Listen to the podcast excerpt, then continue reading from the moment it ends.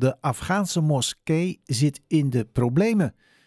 Het gebouw dat ze in eigendom hebben gaat worden onteigend door de gemeente om plaats te maken voor alweer woningbouw.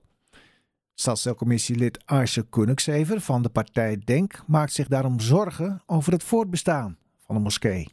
Uh, jazeker, want ze zijn de enige moskee hier in Amsterdam.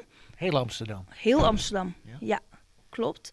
En uh, ze hebben nog steeds geen ruimte helaas. En ja, ze hebben best wel veel leden en dat komt nu in het geding. En ja, het pand waar ze nu zitten, dat uh, hebben ze in eigendom. Dat moet straks worden gesloopt. Uh, als er wordt onteigend, dan worden ze over het algemeen niet afgescheept met een fooi. Uh, dan kunnen ze toch ergens anders misschien weer in Amsterdam een pand kopen? het bedrag is in ieder geval niet flink. Het is niet genoeg om een ander pand mee te kopen. Oh, hoe kan dat nou? Ja, de gemeente taxeert het anders en de vereniging heeft een andere taxatiebedrag. En dat botst met elkaar. Ja. En samen gaan met andere moskeeën in Amsterdam, is dat een optie? Um, zij zijn nu bezig met een Turkse moskee in gesprek te gaan om het over te nemen, maar samen gaan. Um, ik denk dat meer uh, ja, Afghaanse mensen zelf naar de Afghaanse moskee gaan en Marokkaanse mensen naar de Marokkaanse moskee, dat ze dat veel fijner vinden. Maar ze zouden een Turkse moskee gaan overnemen, zegt u net. Wat is daar dan het probleem uh, dat die overname niet lukt? Nou, niet overnemen, maar ze willen dus in het pand gaan zitten. De moskee gaat daar al weg en zij willen daar in, zelf in vestigen. Dus het, er is geen sprake van overname.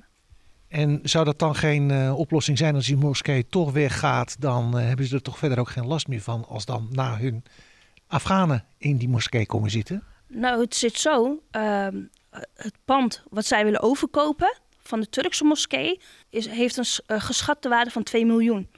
En de gemeente taxeert het op 6 ton. Dat is veel te weinig. Waar halen de, deze mensen de rest van het geld dan vandaan?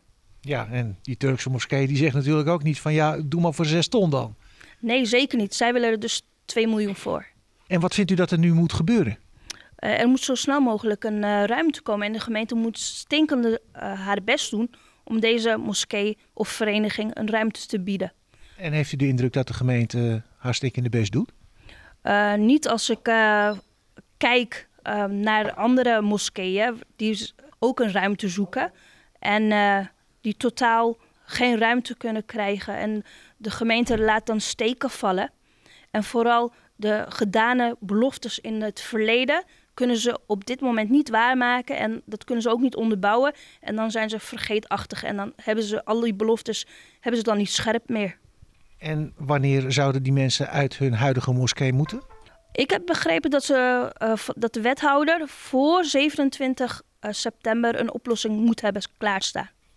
Ja, nu zijn die mensen van die moskee hier niet zelf. Uh, u ja, komt u eigenlijk voor ze op vanuit uw partij Denk.